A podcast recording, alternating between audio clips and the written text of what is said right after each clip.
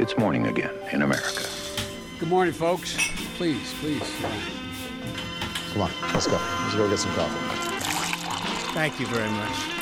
God morgen. Det er torsdag 30. november, og morgenkaffen fra amerikanskpolitikk.no er servert. I går tok president Donald Trump turen til St. Charles i Missouri, like utenfor St. Louis, for å snakke om behovet for denne skattereformen som nå behandles i Senatet. Og vi skal her høre et lite utdrag fra talen til Trump, akkompagnert av eh, litt musikk lagt på av medieteamet hans i Det hvite hus. Det dere ikke ser her, er at Trump da står og snakker foran juletre, det amerikanske flagget, og plakater der det sto 'Merry Christmas'. Vi kan høre litt av det her.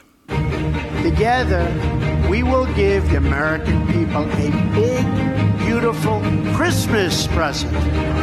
A vote to cut taxes is a vote to put America first again. We want to do that. We want to put America first again. It's time to take care of our workers, to protect our communities, and to rebuild our great country. A successful vote in the Senate this week will bring us one giant step closer to delivering an incredible victory for the American people. This is the right plan.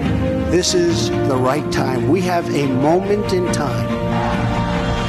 This is our chance. Trump ser med andre ord denne skattepakken som en julegave til det amerikanske folk, og Senatet tok i går et steg lenger i retning av faktisk å stemme over denne skattepakken. De stemte da 52-48 for å begynne debatten. Eh, det ble da rundt 20 timer debatt, etterfulgt av en avstemning i Senatet. Eh, og det som skjedde i går, var jo at mange av de replikanerne som sitter på gjerdet, som ennå ikke har gått ut og sagt at de faktisk støtter denne skattepakken, stemte for at debatten kan begynne. Så gjenstår det å se om alle av de faktisk da også stemmer for denne skattepakken.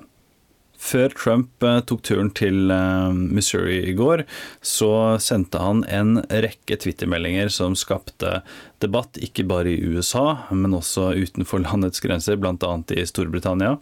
Eh, han sendte en rekke støtende twittermeldinger som du sikkert har fått med deg. Og idet jeg i dag bare skulle se gjennom Twitter-feeden hans, så fikk jeg følgende beskjed på tre av disse Twitter-meldingene som han retweeta i går.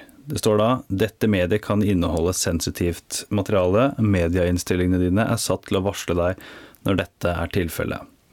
Det var det jeg hadde tenkt å si om Trumps twittermeldinger i går. Dagens utgave av Morgenkaffen er iallfall servert av Lene Marita Berg Herman og undertegnede Are Togflaten. Du leser mer om disse og andre saker på amerikanskpolitikk.no. Du finner Morgenkaffen i Spotify, iTunes og andre podkastapper sammen med Ampullkast. Hyggelig du hører på. Kjempefint om du tipser andre om podkastene våre og ikke minst amerikanskpolitikk.no. Og så snakkes vi i morgen.